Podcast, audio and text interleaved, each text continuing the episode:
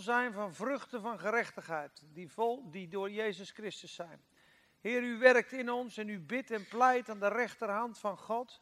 U bent nu, Heer, in ons midden en u hoort ons door uw geest. En wij welkomen ook u, Heer.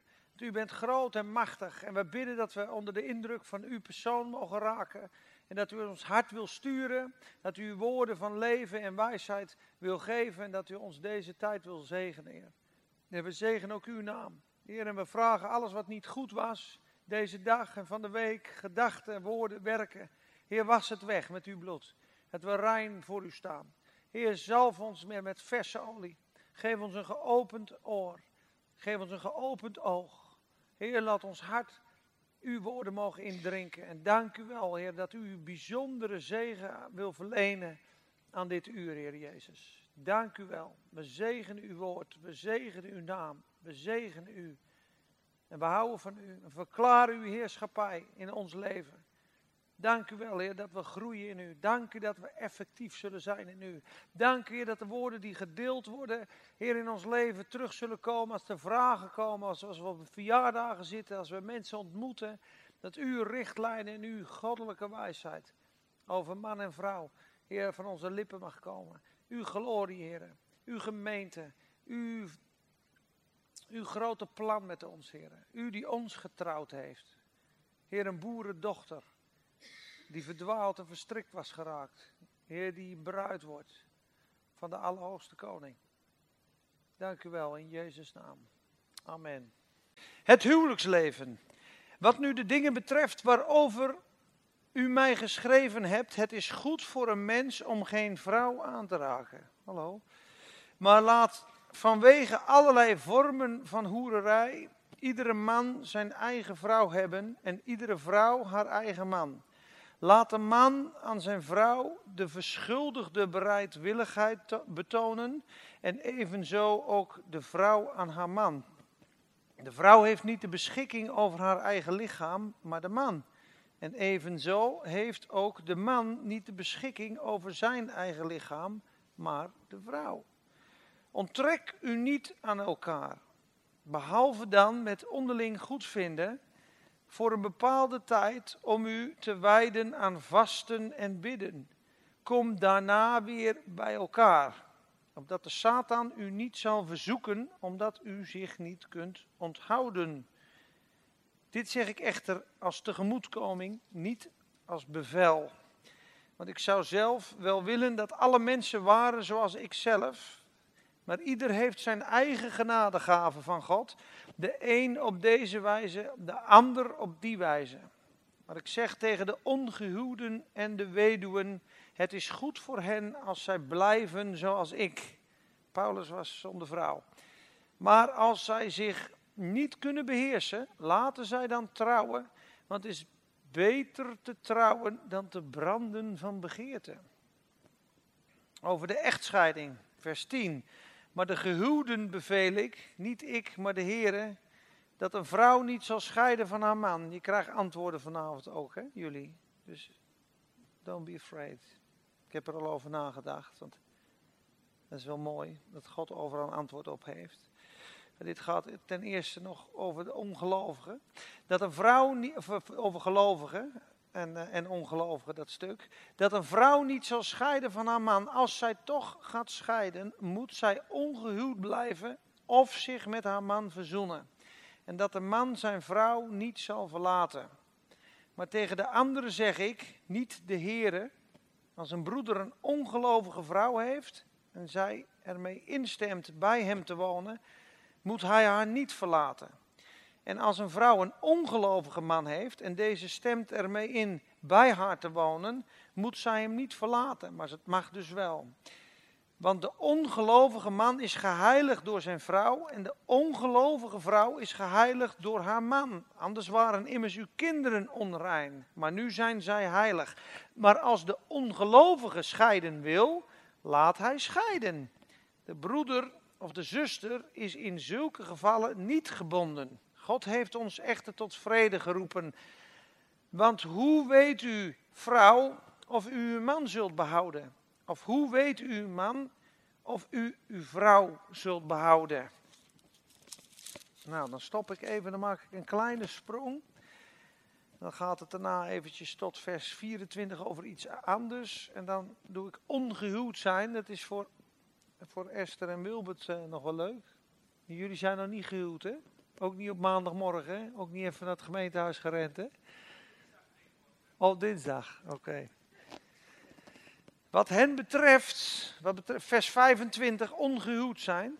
Wat betreft hen die nog maagd zijn, heb ik geen bevel van de Heer. Ik geef echter mijn mening als iemand die barmhartigheid van de Heer heeft gekregen om trouw te zijn. Ik denk dat dit goed is met het oog op de aanstaande nood. Namelijk dat het voor een mens goed is om zo te zijn alleen. Bent u aan een vrouw verbonden? Zoek geen losmaking. Bent u vrij van een vrouw? Zoek dan geen vrouw. Maar als u ook trouwt, zondigt u niet. Ook als een meisje dat nog maagd is trouwt, zondigt zij niet. Let op, zulke mensen echter zullen wel verdrukking hebben in het vlees en dat wil ik u besparen. Dat is ook zo'n bijzondere tekst van de Bijbel. Dus als je trouwt, heb je ook verdrukking. Dat is in dat huwelijk, man en vrouw, die strijd. Maar dit zeg ik, broeders, dat de tijd beperkt is. Laten zij die vrouwen hebben voortaan zijn alsof zij die niet hebben. En zij die huilen alsof zij niet huilen. Zij die blij zijn alsof zij niet blij zijn. Zij die kopen alsof zij niet bezitten. En zij die van deze wereld gebruik maken alsof zij die niet gebruiken. Immers, de gedaante van deze wereld gaat voorbij. En ik wil dat u zonder zorgen bent. De ongehuwde draagt zorg. Dit zou bijvoorbeeld goed kunnen gaan over Gree, of mensen die hun man verloren zijn, of mensen die alleen zijn. Hè? Of Nanny, jullie zijn getrouwd met de Heer. Maar we kijken wat het voordeel is als je niemand hebt, daar gaat Paulus ook over praten. Want ik wil dat u zonder zonde zorgen bent. Vers 32, de ongehuwde draagt zorg voor de dingen van de Heer, hoe zij, hoe zij of hij de Heer zal behagen. Wie echter getrouwd is, draagt zorg voor de dingen van de wereld, hoe hij of zij zijn vrouw of man zal behagen. Er is onderscheid tussen de gehuwde vrouw en het meisje dat nog maagd is. De ongehuwde draagt zorg voor de dingen van de Heer, om zowel naar lichaam als naar geest heilig te zijn. Zij echter die getrouwd is, draagt zorg voor de dingen van de wereld, hoe zij haar man zal behagen. En dit zeg ik tot uw eigen voordeel, niet om een strik over u heen te werpen, maar om u te leiden tot eerbaar gedrag en blijvende toewijding aan de Heer, zonder afgeleid te worden. Maar als iemand denkt dat hij ongepast handelt ten opzichte van zijn aanstaande vrouw, die nog maagd is, als de jaren van haar jeugd voorbij zijn en het op deze wijze gehoord gebeuren, laat hij doen wat hij wil, hij zondigt niet, laten zij trouwen. Maar wie in zijn hart vastbesloten is en er niet toe genoodzaakt wordt, maar macht heeft over zijn eigen wil en in zijn hart besloten heeft dat hij zijn eigen aanstaande vrouw, die nog maagd is, zo zal houden, die handelt ook goed. Dus ook wie ten huwelijk geeft, handelt goed. Maar wie niet ten huwelijk geeft, handelt beter. Dat is Paulus aan het begin. Hè? Straks verder in de Bijbel is hij iets bijgesteld. Een vrouw is door de wet gebonden zolang haar man leeft. Als haar man echter ontslapen is, is zij vrij om te trouwen met wie zij wil, alleen in de Here. Maar zij is gelukkiger als zij zo blijft naar mijn mening, zegt Paulus. Hè? En ik denk ook dat ik de geest van God heb. Dus je moet nagaan dat hij zegt, als je getrouwd bent en je verliest je man, is het mijns inzien, zegt hij, beter om zo te blijven dan iemand anders te zoeken. Maar dat zeg ik niet uit bevel, zegt hij, dat zeg ik. Ik heb ook de geest van God. Maar verderop in de Bijbel, en Paulus groeit dus ook in zijn openbaring. En je ziet bijvoorbeeld een heel mooi proces van kleiner worden in het leven van Paulus. Uh, moet je nagaan, hij begint in uh, Korinthe, die brief die schrijft hij, uh, in 1 Korinthe die schrijft hij vrij vroeg, dan zegt hij, mij, de allerminste van de apostelen, is deze genade gegeven.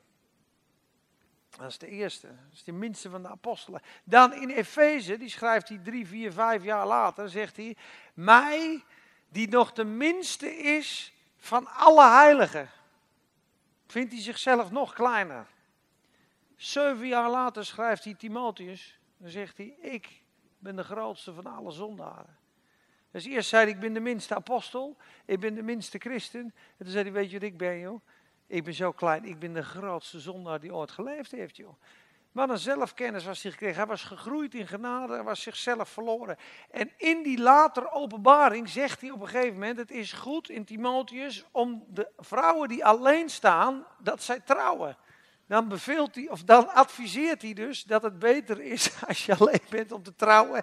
Want ze zegt hij, ze zitten alleen maar koffie te drinken en thee te drinken en ze zijn een beetje aan het babbelen en sommigen zijn de Satan al achterna.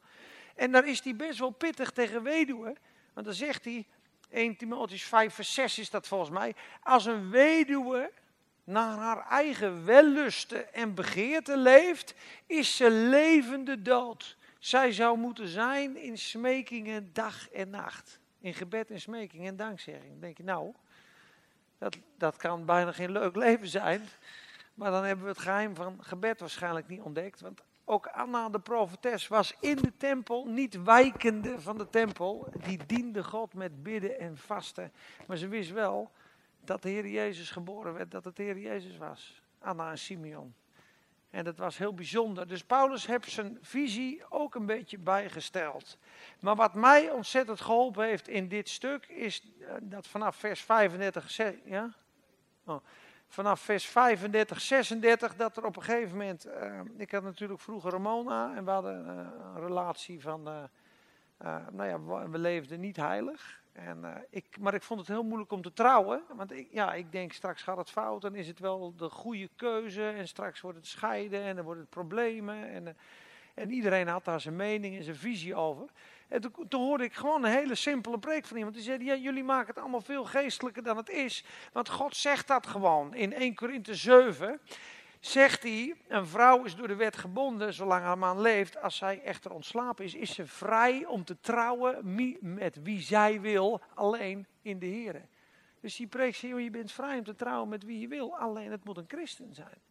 Dat is hoe Paulus het neerzegt. En wij zitten allemaal de perfect choice. Er, wandelt één iemand op de aarde, die is echt speciaal voor jou apart gezet. Dat was het altijd. Dan denk ik, ja, maar waarom zouden ze in Nederland wonen? Misschien wonen ze wel in Japan.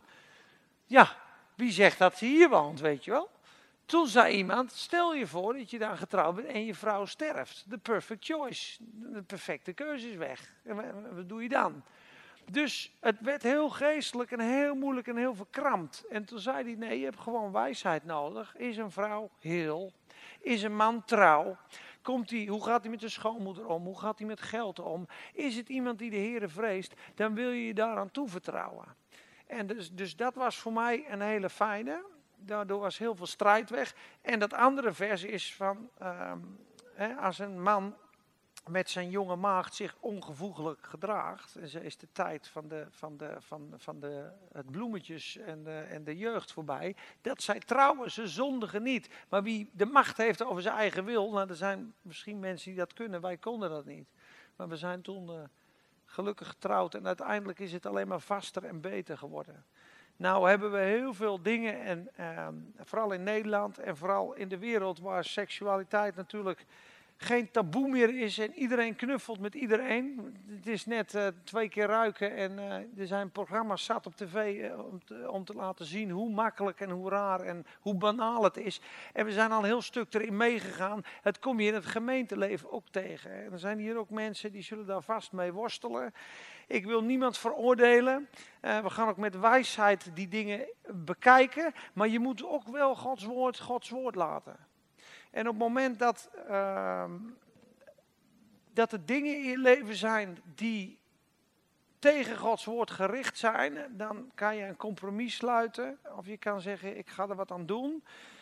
Uh, maar je kan ook heel hard en heel bot zijn en zonder genade zijn, snap je? Dit en dit is gebeurd, dit zegt het woord, punt, klaar. Totaal genadeloos, dat gebeurt ook heel veel. En daar moet, daar moet je dus heel veel wijsheid voor hebben. En ik hoop dat we dat vanavond ook ja, daar heb ik het over, ja. Ja, inderdaad. maar goed, we beginnen met een heel leuk gedeelte.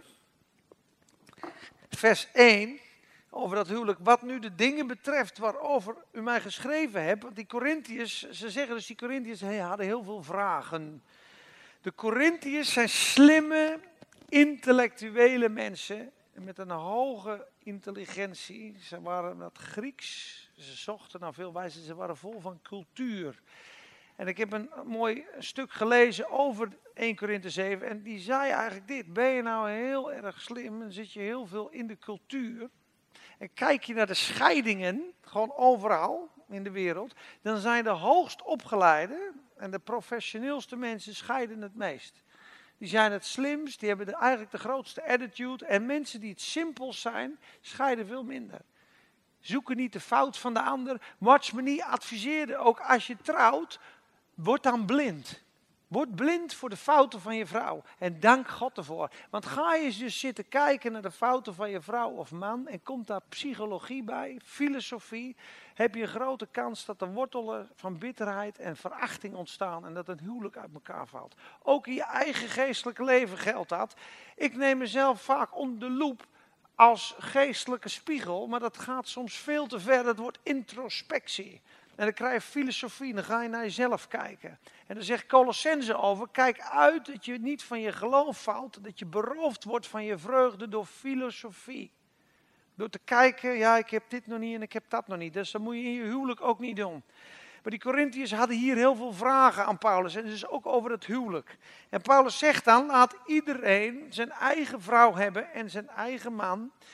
En dit stuk is dus natuurlijk prachtig als je een getrouwd stel bent. Hè, laat de man aan zijn vrouw de verschuldigde bereidwilligheid betonen. En evenzo ook de vrouw aan haar man. Dus zorg seksueel en liefdevol goed voor elkaar. Dat zegt hij gewoon. En dan zegt hij, onthoud elkaar niet, mits je dat afspreekt met gelijk goedvinden. En je hebt niet het recht over je eigen lichaam, maar de vrouw. En de vrouw heeft niet het recht op haar eigen lichaam, maar de man. Het is wel heel bijzonder, heel bijzonder. Als je elkaar zo aan elkaar kan geven. Dus dat, daar begint hij mee. Dat is een heel bijzonder stuk. Nou, dan krijgt Paulus natuurlijk dat hij over zichzelf gaat vertellen. En dat hij dat eigenlijk het beste vindt. Als je alleen bent, dan heb je een genadegave van God om alleen te zijn. Dan zou je onverdeeld de Here kunnen uh, kunnen dienen. Dus ben je alleen, kan je als voordeel dat prijzen dat je onverdeeld de Here kan dienen. Dat is, een, dat is weer een voordeel ervan. Terwijl het huwelijk is ook een afspiegeling van Christus en de gemeente. Nou, dan komt hij over een stukje waar we het, veel al mee te maken hebben. En dan gaan we even op inzoomen, ook speciaal voor jullie. Want ik was ook in de voorbereiding natuurlijk daarmee bezig. En denk, ja, hoe komt het over? Uh, jullie hebben natuurlijk... Uh, uh, nou ja, laten we het zo neerzetten, allebei in het verleden een fout gemaakt. Dat is heel mooi hersteld, er zijn dingen uitgesproken. En dan kan je heel bot doen. Oh ja, een vrouw mag niet scheiden van de man, uh, ze mag niet meer hertrouwen, ze moet zich met haar man verzoenen. Punt. Voor jou is geen hoop meer. Jullie moeten ook niet meer samen zijn. Jij moet terug naar je vrouw, jij moet terug naar je man, anders moet je alleen blijven. Zo, zo hard en koud zou je het neer kunnen zetten. Maar wat is het mooi? Uh, als je dit, uh, vroeger had ik dus een vriend, die was ook uh, gescheiden en die had zijn vrouw gevonden en die zijn heerlijk samen en die zijn heerlijk gezegend. En ik denk, ja, dit is een prachtig huwelijk. En toen dacht ik, ja, maar die man was verloren en is gevonden. Dus op het moment dat je God kwijt bent, of niet tot geloof gekomen bent, gelden er hele andere dingen. Dat zegt vers 15 ook. En als je met een ongelovige samen bent, zegt de Heer, dan mag je gewoon scheiden. Dan je, je mag samen blijven dat mag. Je kinderen zijn geheiligd. Die andere persoon is geheiligd. Maar let goed op, dat geheiligd zijn betekent niet dat die man gered is. Die fout maken mensen, ook met de doop. Want uw kinderen zijn geheiligd in de ouders, hè, staat er in vers 14. Zeggen ze, die kinderen zijn al geheiligd. Nee, dat betekent het niet. Die kinderen zijn vrij en geheiligd door God dat je niet verkeerde omgang hebt. Dus je man leeft in de wereld, jij leeft in het koninkrijk. Normaal zegt de Bijbel, heb geen omgang met ongelovigen en onzedelijke dingen. maar nu ben je dus samen. Maar God zegt, die man is geheiligd, want anders waren uw kinderen ook onrein. En dan staat er in vers 16 daarna, want hoe weet u, vrouw, of u uw man zult redden? Zie je dat hij nog niet gered is? Of hoe weet u, man, dat u uw vrouw zult behouden? Dus die man is nog steeds ongelovig. En hij is geheiligd door God, apart gezet. En op, wel op het erf gekomen van heiligheid, maar is nog niet gered. En dat doen heel veel mensen. Oh, als die man bij haar weggaat, is hij niet meer geheiligd, dan is hij verloren. Nee, dat heeft er niet mee te maken. Want ook 1 Petrus zegt dat. Dat is ook een mooi stuk voor het huwelijk. 1 Petrus 3. Laten we dat trouwens maar even lezen. Het is voor een vrouw. En je moet nagaan, ik heb. Er staan in de Bijbel een hoop dingen dat een vrouw zich moet onderwerpen, maar dat geldt net zo goed voor een man. Want in Efeze 5 staat dat een man moet eigenlijk aan het kruis voor zijn vrouw. En daar zal ik je straks wat over vertellen, ook uit mijn eigen leven. Een man moet voor zijn vrouw aan het kruis, zoals Christus voor de gemeente gestorven is. En een vrouw moet zich onderwerpen aan haar man, zoals aan Christus. Alsof ze het gezag van haar man herkent als Christus, die het hoofd is. Niet, heel veel vrouwen zeggen, ja, mijn man is niet uh, trouw, die is niet uh, goed genoeg, daar ga ik me niet aan onderwerpen. Alleen als die perfect leeft en als die bidt en een priester is en ik respect voor hem, dan, dan doe ik dat wel. Maar dat staat er niet, want 1 Petrus 3 zegt namelijk dit. Het gaat over een godzalige vrouw. Het christelijke huwelijk staat erboven. Vers 1. Heel mooi, dankjewel William. Evenzo vrouwen, wees uw eigen mannen onderdanig, opdat ook als sommigen aan het woord ongehoorzaam zijn. Dus hier zie je een man die is ongehoorzaam aan het woord, dan zegt, zegt Petrus, dan moet je nog onderworpen aan je man zijn. Dus ook voor de ongehoorzamen. Zij, of zij door de levenswandel van de vrouwen, zonder woorden, gewonnen mogen worden. Zie je dat? Je hoeft je man niet te bekeren met je woorden. Door je kuise wandel. Kijk, doordat zij uw reine levenswandel in de vrezen des Heren waarnemen. En iedereen die zal dat wel snappen hier. De vrezen des Heren is niet de angst voor de Heer, maar de aanbidding voor de Heer. Het ontzag voor God. Uw sieraad moet niet bestaan in iets uiterlijks. In het vlechten van haar, het dragen van gouden sieraden of het aantrekken van mooie kleren. Dat moet niet de boventoon voeren. Maar uw sieraad moet zijn de verborgen mens van het hart. Met het onvergankelijke sieraad van een zachtmoedige en stille geest die kostbaar is voor God. Dit is echt kostbaar voor God. Een zachtmoedige en een stille geest. Ik zou dat heel graag willen hebben. Ook als man. Want zo tooiden zich voorheen ook de heilige vrouwen. Met zachtmoedigheid en stilte die op God hoopten en hun eigen mannen onderdanig waren. Zoals Sarah Abraham gehoorzaamde en hem Heer noemde. U bent kinderen van haar geworden als u goed doet en niet bevreesd bent voor enig ding dat u angst zou kunnen aanjagen. Nu gaat hij naar de mannen. Evenzo mannen, wandelt met wijsheid, woon met begrip met uw vrouw samen. Geef de vrouw als de zwakkere haar eer. Het zwakkere vat eergevende. U bent immers ook mede-erfgename van de genade van het eeuwige leven, opdat uw gebeden niet verhinderd worden. Zie dat als je ruzie hebt, worden je gebeden verhinderd. Ook persoonlijk is je gebed verhinderd. Als je ruzie hebt, daarom zegt Jezus ook, je zult tegen deze berg zeggen, rijst u op en stort u in zee. Als je niet twijfelt in je hart, zal de berg je gehoorzamen. En daarna staat er gelijk achter, dat doet hij bij een paar gebeden. En als u dan staat om te bidden en u herinnert dat uw broeder iets tegen u heeft, ga heen en vergeef eerst uw broeder kom niet bij het altaar om te aanbidden als u weet dat uw broeder nog wat tegen heeft. Met andere woorden, dat blokkeert het geloof, dat blokkeert het gebed. Ruzie blokkeert gebed. Bitterheid blokkeert gebed. Ook samen. En dan nog een mooi gegeven heb ik ook wel eens gedeeld over het huwelijk. De wereld heeft scheidingspercentage 50%. De kerk algemeen, niet schrikken, 33%. 1 op de 3. Ja. Biddende stellen, stellen die samen bidden, ja, 1 op de 1250. 1 op de 1250 maar. Dat is heel weinig. Dat is 0,02 procent. Dus nee, ik weet niet of iemand het in kan tikken. Maar ja, ja, dus dat is aanzienlijk minder. Er zijn dus stellen die samen bidden waar er ook scheiding plaats kan vinden. Door misschien ontucht of overspel of wat dan ook. Maar de kans bij biddende stellen is honderden keren kleiner. Stellen die niet bidden zijn bijna net als de wereld en die scheiden dus ook. Dus samen bidden is sleutel nummer één voor een gezond en blij huwelijk. Samen voor God huilen. Ja? Oké, gaan we weer even terug naar vers 14. Korinthe 7, 14. Wat moet je doen met scheiding? Stel je voor, hè, je bent dus, uh, jullie laten je volgende week ook dopen. Je was eigenlijk niet zo dicht bij God, nu ben je heel dicht bij God. Je hebt ook een heel nieuw leven gehad. Daarom zei ik ook vorige keer, je bent helemaal opnieuw begonnen. Je bent opnieuw geboren. De, de dingen die je recht wil zetten, die heb je recht gezet. Ik zou dan zeggen, als ik dominee was jullie zouden zegen vragen als jullie ooit samen zouden gaan trouwen. Ik zou dat gewoon inzegenen vanuit God. En niet heel bot met vers 11 komen, jullie moeten terug. Snap je? Ik zoom er even omheen, omdat het toch iets is wat je heel dichtbij raakt. Snap je me? Oké. Vers 11, 1 Korinthe 7 vers 11. Of vers 10. Maar de gehuwden beveel ik, niet ik, maar de Heer. Dit zijn dus christenen, wedergeboren christenen, allebei wedergeboren en getrouwd. Ja, dat een vrouw niet zal scheiden van haar man.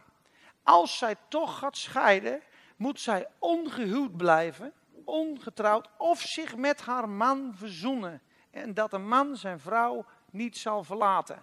Ik ken een koppel, profetisch koppel, die zijn drie keer gescheiden en drie keer getrouwd. die hadden zoveel ruzie in de bediening, uit elkaar, na twee jaar weer getrouwd. Zij was vroeger heks, eh, opperheks ergens. En hij, ja, nou ja, ze hadden in ieder geval, hij had ook een wild leven gehad. Een hele sterke persoonlijkheden. Elkaar helemaal afgemaakt met woorden. Gescheiden, twee jaar weer getrouwd weer gescheiden, weer getrouwd, weer gescheiden, weer getrouwd. Drie keer. Nu zijn ze nog steeds bij elkaar. Dus die hebben dit woord eigenlijk gedaan. Maar je moet nagaan, als je als wedergeboren stel bij God bent en je trouwt en je scheidt, dan is dit het woord van God. Ieder pas wedergeboren stel wat gaat scheiden, dan zegt Paulus, dan moet je alleen blijven of verzoenen. Want er is altijd een oplossing bij het kruis. Want je bent van elkaar gaan houden, er is altijd een punt waar die liefde en die klik is. Alleen ze zeggen, door het ruzie maken, komen die pijlen in je emoties. En een vrouw is ook heel gevoelig. Een vrouw, de nummer één uh, wens van een vrouw is affectie. En de nummer één wens van een man is seksualiteit. Een vrouw heeft affectie nodig. Dus die moet je heel teer behandelen. Ga je nou schelden op een vrouw, dan, dan gaat die bloem dicht en worden die emoties worden hard. En dan ga je zulke dingen tegen elkaar zeggen, dan voel je de liefde niet meer. Dat komt ook heel veel in pastorale gesprekken voor. En soms is er ruzie ontstaan en dan zeggen ze, eigenlijk weten ze niet eens meer waarom ze ruzie hebben. Dat is al zo lang gelezen, ja ik voel niks meer. Maar op het moment dat dingen uitgesproken zijn, is tegelijk weer die klik in die liefde. Dan zijn die emoties in die ziel is hersteld van pijn. Jullie kijken allemaal naar het scherm daar, hè? Je zit allemaal die letters te lezen. Ik ze kijken allemaal langs me heen. Nee, maar dat is, dat is absoluut bewezen. Ik, eh, als je eh, ver van elkaar verwijderd bent en je voelt wat minder, en je gaat samen bidden, zou ik je zeggen, na een minuut of vijf, zes, zeven, acht komt de Heilige Geest. En, dan, en al die, die hardheid, dingen, die onbelangrijke dingen, die, die appen, appen weg. En na zo'n gebed voel je je weer helemaal verliefd en verbonden met elkaar. Dat is super belangrijk. Dus, wedergeboren stellen in de kerk, niet scheiden. Ga je toch scheiden, blijf dan alleen of verzoen je met je man of je vrouw. En een vrouw, vers 12, maar tegen de anderen zeg ik, niet de Heere, ik Paulus zelf, als een broeder een ongelovige vrouw heeft en zij ermee instemt bij hem te wonen, moet hij haar niet verlaten. Dus het is niet zo, twee ongelovige stellen, twee ongelovige mensen komen elkaar tegen, eentje van hen komt tot geloof, dat je dan automatisch moet scheiden. Paulus zegt dat moet je niet doen, als die vrouw ermee instemt en je kan samen zo leven, prima. Prima. Maar hij zegt, gaat het nou niet goed, dan heb je een ongelovige man en die wil niet mee en het botst enorm, ben je vrij om te scheiden. Is er helemaal geen probleem. Zegt de Bijbel. Lees maar eens door. Als een vrouw een ongelovige man heeft en deze stemt ermee in bij haar te wonen, moet zij hem niet verlaten. Want de ongelovige man is geheiligd door zijn vrouw. En de ongelovige vrouw is geheiligd door haar man. Vers 14. Anders waren immers uw kinderen onrein, maar nu zijn zij heilig. Maar als de ongelovige scheiden wil, laat hij scheiden. De broeder of de zuster is in zulke gevallen niet gebonden. Hij adviseert wel, God heeft ons echter wel tot vrede geroepen. Want hoe weet uw vrouw of u uw man zult behouden? Zie, dat is niet zeker. Of hoe weet uw man of u uw vrouw zult behouden? Dus dat geeft hij als adviezen aan die Corinthiërs. Dat hebben ze hem gevraagd. Dus dit zijn allemaal voorschriften voor het huwelijk. Ik hoop dat jullie er wat mee kunnen. Dan slaakt het, die vers 24 slaan we over. En ga ik eerst naar Efeze 5. Naar Efeze 5. Dat is Christus en de gemeente. En daar is het huwelijk een afspiegeling van. En je moet nagaan dat de hele Bijbel is eigenlijk een romance. Het evangelie is een romance. En het gaat tussen een bruid en een bruidegom. En die bruidegom heeft er alles voor over gehad om voor die bruid te sterven. En dat is Jezus. En wij zijn eigenlijk niet van koninklijke afkomst, want wij zijn gevallen als zondaren. En Jezus is de koning. Is, is, en, en de Vader heeft een bruid voor hem verkoren. En die bruid zijn wij. En hij heeft ons gekocht met zijn bloed. En wil straks krijgen we die grote bruiloft en die eenwording. En toch wil hij ons in dat proces als een reine maagd voor Christus voorstellen. En we moeten het protocol van dat koningshuis moeten we leren. Want als je Maxima heette en je kwam uit Argentinië en je wordt ineens koningin, dan heb je heel wat te leren. En zo is het met ons ook. We zijn gekocht door God, we zijn zijn kinderen, maar we zijn ook zijn bruid. En hij heeft een sterk verlangen om gemeenschap te hebben. En waarom gaan mensen trouwen? Waarom trouwen mensen? Omdat ze dol op elkaar zijn en dat ze samen één willen worden. Twee worden één. Ze zullen niet langer twee zijn, maar één vlees. Dan is die vrouw is als hulp, maar ook voor het, begrijp me goed, voor het genot. Het genot van de man. Een, een, een bruid die behaagt haar man. En een man is voor veiligheid en bescherming. Dus God wil ons koesteren. Maar we zijn zijn geliefde. En hij wil bij ons zijn. Ook in de Joodse bruiloft is dat zo mooi. Als vroeger, en wij drinken het avondmaal. Maar vroeger als een, Joods, een Jood een meisje gevonden had, gaf hij haar een drinkbeker. En dan zei hij, ik ga op reis. Hier heb je een drinkbeker. En als ik dan terugkom, ja, dan ga ik met je trouwen, dat beloof ik. En elke keer als je uit die beker drinkt, dan moet je aan mij denken. Dat doen we met de avondmaal ook. Elke keer als je de drinkbeker drinkt, verkondig je de dood des Heren totdat Hij komt. Om ons te halen. Dus ik ga heen om een plaats voor u te bereiden. Dat is bijzonder, hè? Dat is, dat is een mooi beeld. Maar hoe gaan we met onze vrouwen om, mannen? Want we hebben het nu over de vrouwen gehad. Maar hoe gaan de mannen dat doen? Wandelt als kinderen van het licht, staat er boven. Ik heb hier vers 22, vrouw en man in het huwelijk. En ik begin in vers 25. Efeze 5, vers 25. Hebben we ook al. Kijk eens aan. En dit heb ik aan de lijf een keer ondervonden. Ik zou je straks zeggen hoezo. Mannen, hebt uw eigen vrouw lief zoals ook Christus de gemeente lief gehad heeft en zich voor haar heeft overgegeven, opdat hij haar zou heiligen door haar te reinigen met het waterbad van het woord, opdat hij haar in heerlijkheid voor zich zou plaatsen. Een gemeente zonder smet, vlek of rimpel of iets dergelijks, maar dat zij heilig en smetteloos zou zijn. Zo moeten de mannen hun eigen vrouwen lief hebben als hun eigen lichamen. Want wie zijn eigen vrouw lief heeft, heeft zichzelf lief. Want niemand heeft ooit zijn eigen vlees gehaat, maar hij voedt, zie hij voedt en koestert het, zoals ook de Heere de gemeente. Dat is een heel mooi stuk. Maar hier zie je vier keer en vijf keer komt het haar, haar, haar, haar en zij komt voort. Ik zou een mooi verhaal vertellen. Ik had vroeger dus keer woorden met Ramona. Heel vaak trouwens. De eerste vier jaar van ons huwelijk waren heel moeilijk. Heel veel ruzie, heel veel koppigheid. IJzer tegen ijzer. twee tegen elkaar.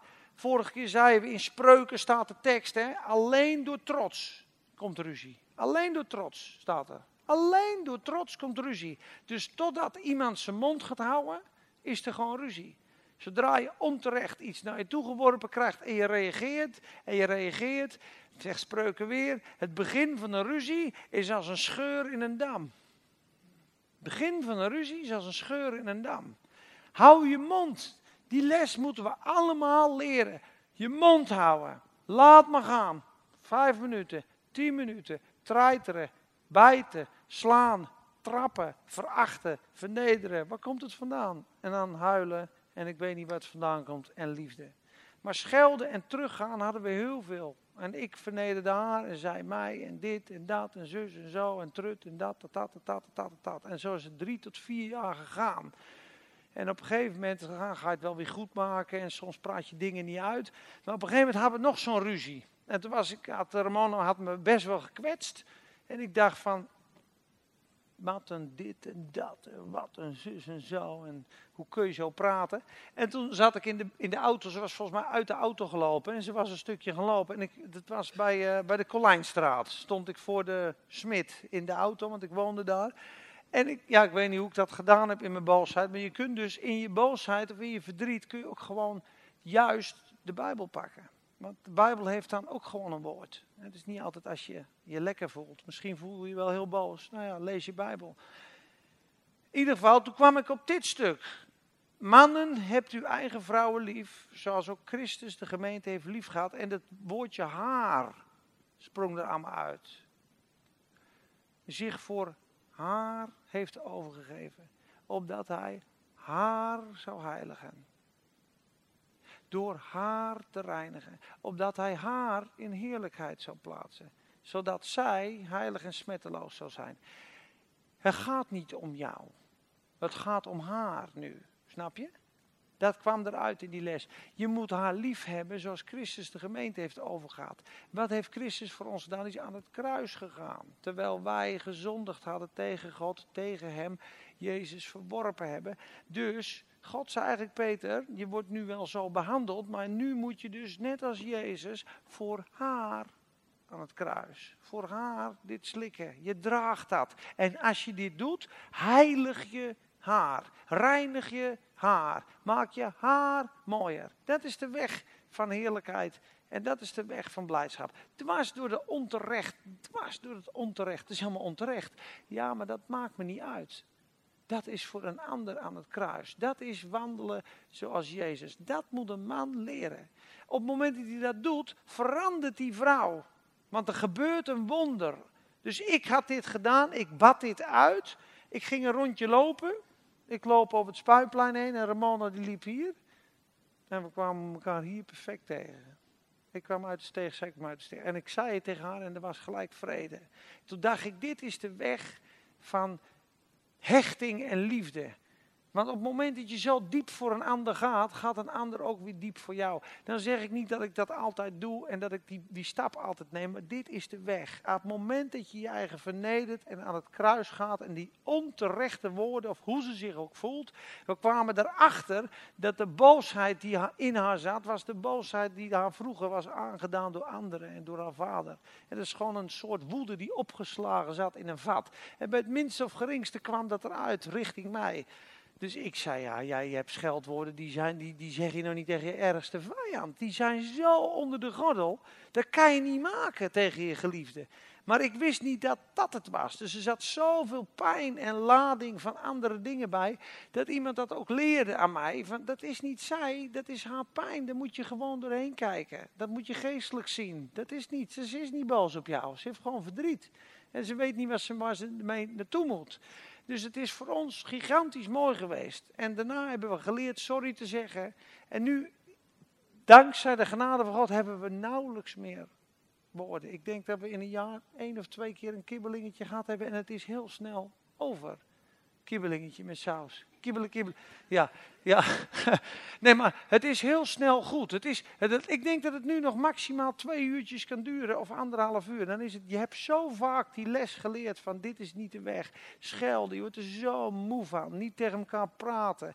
Man, Al die dingen, ik gun het niemand. Maar het is nu gekomen op een punt, we, we gaan er niet meer tegen in. Je respecteert de grens. En als je fout bent, ik zeg nu gewoon sorry. Sorry, is niet goed. Sorry, is echt niet goed. Sorry. Goed weer. Het is maar een kleine stap. Even sorry zeggen. Maar in ieder geval, de man moet een gekruisigd leven leiden voor zijn vrouw. Dan wint hij zijn vrouw mee. Daar valt, de genade van God komt toch ook ten volle zichtbaar op het moment van onze zonde. Het moment dat wij alles goed doen en God houdt van ons, is eigenlijk niet zo bijzonder. De liefde van God wordt pas echt bijzonder op het moment dat er een pikzwarte, smerige zondaar, die alle straf verdient, waar de hele heelal van zou kruisen, schuldig. En zo'n persoon, daar sterft de Heer Jezus voor. De onvergeeflijke, de onverzoenlijke, daar heeft hij zichzelf voor uitgegoten. Waar wij van zouden zeggen, dit is verschrikkelijk. Dat soort mensen heeft de Heer Jezus lief. Dan breekt je hart. Dan denk je, dit is zo'n grote liefde voor zo'n vijand. Hij is voor vijanden gekruisigd. Dan krijg je dat ontzag voor de Heer. Ik ben veranderd door die genade. Ik ben niet veranderd door, door, door, door boetprediking. Ik was vroeger, gebruikte ik drugs, dan ging ik naar zijn man om te praten. En dan denk ik, oh ja, ik heb weer drugs gebruikt, dan zal hij wel boos worden, zal hij wel zien. En, eh, en dan, uh, soms was ik nog half in die wereld. En toen zei hij dus een keer op een avond, toen ging ik weg als je nou straks uh, met die jongens drugs zit te gebruiken, dan zijn mijn gebeden bij je. En dat zei hij zo en er sprong iets op in mijn hart dat ik denk, hè? Is zijn liefde dan groter dan mijn drugsgebruik? Is hij niet boos dat ik dan straks zit hij niet met zijn vinger heen en kijkt uit tegen geen drugsgebruik straks? Want ik, ik, ik, investeer tijd in jou, elke twee weken op zaterdagavond. En dan, dat vind ik echt niet kunnen, hè? Dat had hij niet. Hij had niet die vermaning. En zei, joh, ik weet toch al dat je gaat vallen. Maar dat maakt me niet uit, want ik, ik bid voor jou. En in die nacht van drugsgebruiken was die stem ook daar. Denk ik, dit is de genade van God. Ik heb ook wel eens in een discotheek meegemaakt. Dat ik denk, ben u, bent u ook hier? Dat is de bijzondere genade van de Heer Jezus waarvoor ik gevallen ben dat je verliefd wordt op God. Die zo onvoorwaardelijk veel van iemand houdt. Als je dat in je huwelijk krijgt, maak je de baan tot intimiteit, vriendschap en liefde. Doe je dit niet, is eigenlijk de mate van overgave, is de mate van liefde die je voor een ander hebt. Hoeveel credits heb ik? Nee! Ik reageer gelijk. Ik heb geen credits. Ik eis dat je altijd vrolijk bent, dat je altijd lief doet, dat je geen fouten maakt. Zo en zo en zo moet jij mij behandelen. En anders meer credits krijg je niet. Dan moet je nagaan wat je dan eigenlijk met je houding zegt. En dan kwam ik op een gegeven moment ook achter dat het bij mij lag. Je zoekt altijd de fout bij een ander, totdat ik naar mijn kleine zoontje keek van twee jaar. Ik denk, ja, die kan nog echt niks fout doen. En nou ben jij gewoon zagrijnig, want je eist eigenlijk van hem dat hij nu, die kan niks goed of fout doen. Jij bent het probleem. Jij bent het probleem. Jij, jij zegt, ik ben niet vrolijk, dat komt door jou. Nee, jij bent het zelf het probleem. En je komt alleen maar om te geven. De liefde geeft alleen maar. Is niet jij behandelt mij zo, dus daarom doe ik ook zo tegen jou. Dat is het natuurlijke. Dus als we vol zijn van Gods geest, vol zijn van de liefde, ga je voor de ander aan het kruis. En de mate van overgave en dat iemand jou mag kwetsen, is de mate van liefde die je voor zo iemand heeft. En die les mag je leren in het huwelijk. En dat is de sleutel van een gezond en, en, en, vrolijk, vrolijk, gezegend huwelijk. Daar is blijdschap. Dan weet iemand ook, jongens, ik zat zo fout en die andere heeft mij vergeven. Dan zul je de wonderen zien. Dan zegt iemand na een half uur onder tranen. En je, waarom heb je me dan nog steeds lief? Of andersom. En Ramona is natuurlijk, heeft mij honderden keren uh, opgebeurd en vergeven. En er is heel veel gebeurd. Maar we, zijn gelukkig op het punt gekomen dat dat, dat dat geland is. Dus dit is de les die de man moet leren. Zoals Christus aan het kruis gegaan is. En zoals hij haar koestert en lief heeft. Zo moeten we onze vrouwen lief hebben. Amen. En die vrouw, die dient en die heeft lief. Oké. Nog een klein stukje. Vers 25, 1 Korinthe 7, vers 25. We doen vandaag geen groepjes, want we zijn gewoon lekker laat. Dus we stoppen gewoon om een uurtje of half acht. Want we hadden alle gebeds. hey, tortelduifjes. Willen jullie ook nog een getuigenis doen? ja, toch leuk dat jullie er zijn en blij dat jullie er zijn. Nee, wat ik zo mooi vond van dit stuk is dat het dus erbij hoort. Hè? Dat huwelijk is ook een gevangenis. In die zin, je kan niet van elkaar af. En er is strijd, er is wrijving en God gebruikt dat ook. Zoals ijzer ijzer scherpt, zo scherpt de ene mens zich met de ander. Die verdrukking in het vlees heb je. Kijk maar in vers 28. Ik begin in vers 25. Wat betreft hen die nog maagd zijn, heb ik geen bevel van de Heer. Ik geef echter mijn mening als iemand die barmhartigheid van de Heer heeft gekregen om trouw te zijn. Ik denk dat dit goed is met het oog op de aanstaande nood, namelijk dat het voor een mens goed is om alleen te zijn. Bent u aan een vrouw verbonden, zoekt geen losmaking. Bent u vrij van een vrouw, zoekt dan geen vrouw. Dat zegt hij tegen vrijgezellen. Wie is hier nog vrijgezel? Jij hè? Nou, dit is, een woord voor jou. jij bent ook vrijgezel. Zo mooi zijn jij ook een prachtige vrouw van de Heer krijgt. Nou niet. Halleluja, we bidden ervoor. Maar goed, Paulus zegt, je kunt beter alleen blijven. Maar als, ook als u trouwt, zondigt u niet. Ook als een meisje dat nog maagd is trouwt, zondigt ze niet. Kijk, daar komt hij. Zulke mensen die trouwen echter zullen wel verdrukking hebben in het vlees. Zie je dat? Staat er gewoon in de Bijbel. Hè? En dat wil ik u besparen. Dus Paulus zegt, eigen trouwen, weet dan wel dat je ook strijd en verdrukking hebt in het vlees met elkaar. Dan zegt hij niet, dat het niet gebeurt. Het is een standaard iets en dat wil ik u besparen. Dus dat een huwelijk dit soort dingen heeft, zegt de Bijbel ook gewoon. Er is gewoon af en toe strijd. Er is, een vrouw kan, hè, ze zeggen vrouwen denken met hun emoties, dus die kunnen een rekening zien, die, die meter gaat zo. Woe, En een man denkt, ah joh, maak je niet zo druk. Komt goed, rekening leggen we hier neer. Dus dat kan botsen. Een man kan zomaar iets kopen terwijl een vrouw daar even de rem erop zet. Nou, dat soort dingen hebben we allemaal. maar in die verdrukking leer je dus wel het proces van jezelf verloochenen. Daarom zeggen ze, een huwelijk is de beste leerschool. Je wordt echt geestelijk in een huwelijk.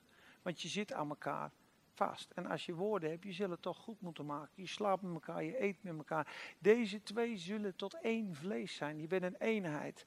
Samen bidden, samen strijden. En de tijd komt dat één zijn mond houdt en de ander wint. En die verdrukking is er, dus dat vond ik een mooi vers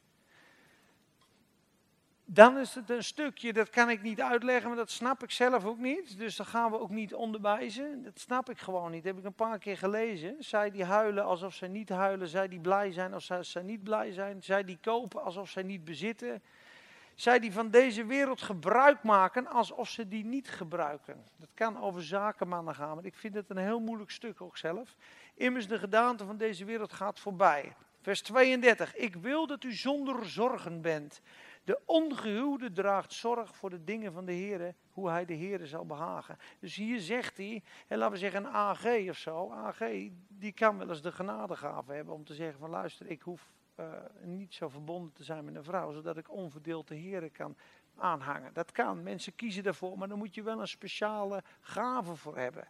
Dat is een genadegave die Paulus had om alleen te kunnen zijn. Want heb je wel verlangens om met een vrouw te zijn, is het veel beter om te trouwen. Amen. Zijn er nog vragen trouwens? Heeft iemand een vraag?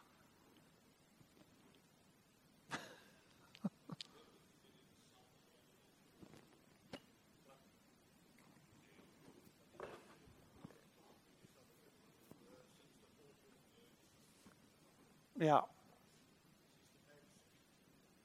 Ja, dus de vraag is voor de band, de vraag is, wat zegt de Bijbel over samenwonen? En vanaf de tijd van Napoleon is het huwelijk ontstaan. En heel veel mensen zullen wel zeggen van ja, maar nou, dat huwelijk is niet heilig. Of, of wat betekent nou het huwelijk? Wij, wij doen gewoon een samenlevingsverdrag. Wij wonen gewoon samen. En uh, ja, wat zegt de Bijbel daarover? Goed, ja, de Bijbel zegt niet heel concreet deze dingen. Maar de Bijbel zegt wel heel concreet dat het huwelijk is ingesteld door God. Dat het huwelijk iets heiligs is. En ik was vroeger met Ramona. En toen we gingen trouwen, zei die dominee ook, ik wil dat jullie niet meer gemeenschap hebben met elkaar. Ik wil jullie prima trouwen. Ik wil ook die dienst leiden, maar jullie hebben geen gemeenschap meer met elkaar tot aan de bruiloft. Dat moet je me beloven. En uh, ik wil dat je openbaar bekentenis doet, beleidenis. Op die bruiloft. Zo. Pantermone moest, was zwanger en we moesten trouwen. En dat vond ik wel goed. Die man zette dat neer. Dus ik heb toen er ook over gebeden. Ik zei, ja, nou heel eerlijk zijn, ik vond het heel eh, prettig om met mijn vrouw te vrijen. Dus ja, hoe schuldig voel je je eigenlijk en wat ga je nu allemaal dan beleiden? En hoe komt dat oprecht eruit? Daar heb ik er echt voor gebeden. En ook in die momenten heb, kreeg ik ook het inzicht dat het, het is heel brutaal. En God zei, blijf eens af man. Dat is helemaal niet van jou. Ik heb haar nog helemaal niet aan jou gegeven. Het is mijn dochter.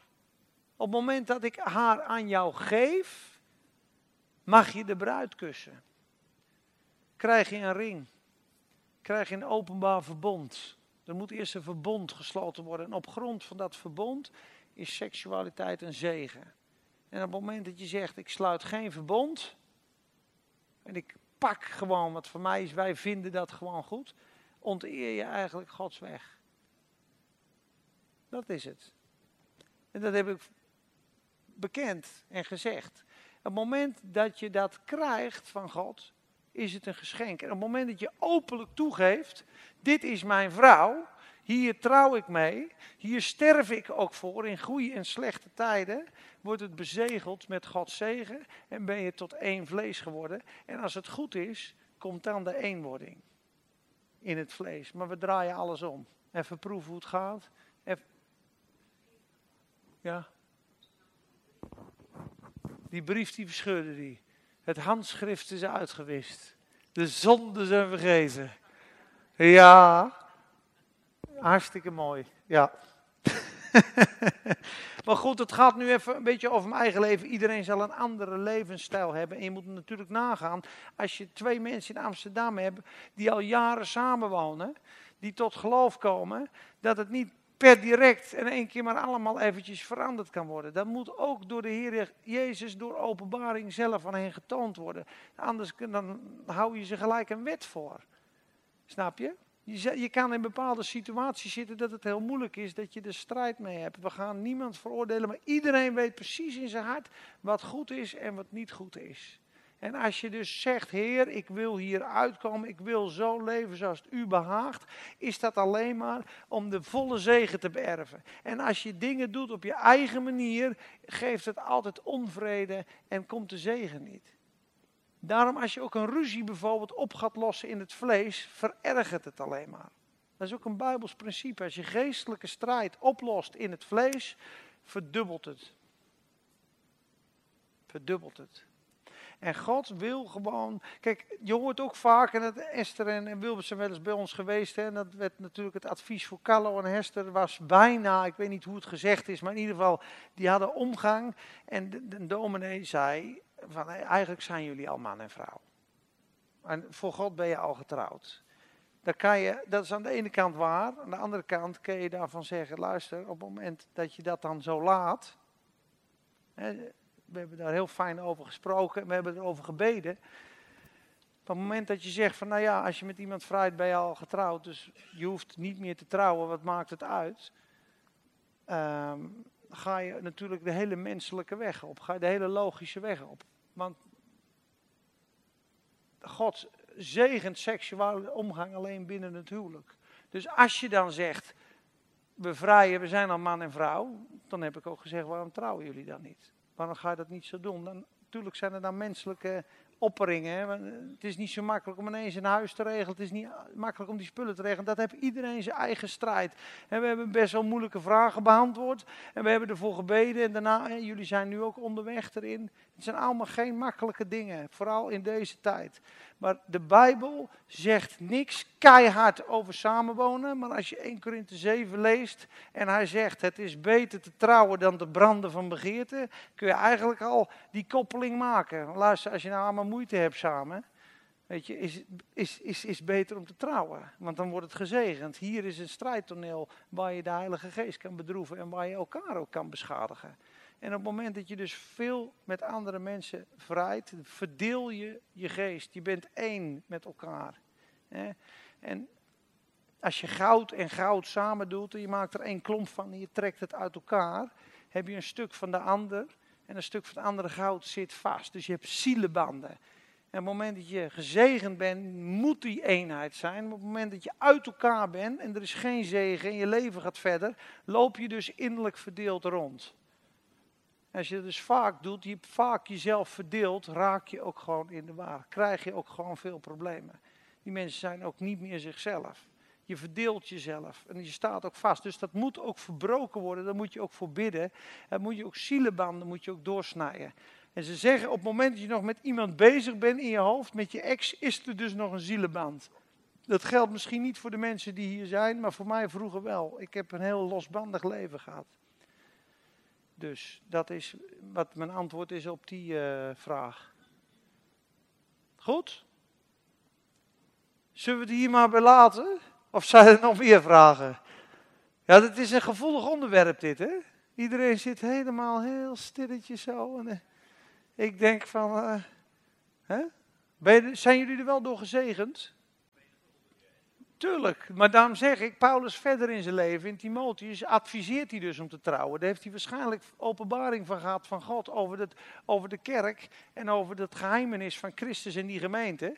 Maar ik bedoel, bij de demonen staat zelfs, hè, 1, 1 Timotheus 4, in de laatste tijd zegt de geest duidelijk dat sommigen zullen afwijken van het geloof, zich begevende tot valse, verleidende geesten en doctrines, leringen van demonen, deze verbieden om te huwen. En om bepaalde spijzen te eten. Dus daar zie je dat demonen verbieden tot, huw, tot huwelijken. Dus huwelijken zijn bij God volgens mij iets geweldigs. Dus daarom zeg ik, Paulus zegt ook een paar keer, dit is mijn mening, niet het bevel van God. En later stelt hij het bij. Dus dat is ook bijzonder om dat zo te lezen. Ik zeg jongens, lekker trouwen. Dat is mijn advies. God, zullen we danken? Vader, we, danken u dat, dat u dit woord gesproken hebt, dat we het mochten openen. Heer, we bidden dat u ook de naprediker bent. En we bidden dat het tot zegen zal zijn in ieders leven. Heer, mensen die worstelen met dingen op dit moment of ergens middenin zitten, daar bidden we u zegen en u doorbraken over, Heer. Heer, ik bid voor degenen die alleen staan zijn, dat u hen zegent en bemoedigt. Heer, zij die op zoek zijn naar iemand, Heer, dat ze iemand mogen vinden. Vader, ik bid voor andere, alle andere situaties die heel veel wijsheid en genade nodig hebben. Heer, dat u doorbraak en overwinning gaat geven. Heer, voor de huwelijken die er zijn, Heer, bidden we u zegen en uw verdieping. En we zetten vrij, Heer, gebedsleven en communicatie. Heer, laten de factoren van verstoring tot, het, tot, ja, tot niets worden, Heer. Heer, laat de tv ons niet regeren.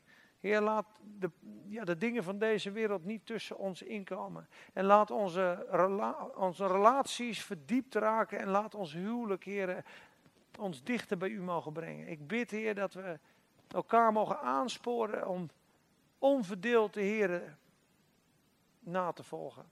Heer, en ik bid ervoor in Jezus' naam. Dank u wel. Amen. Amen.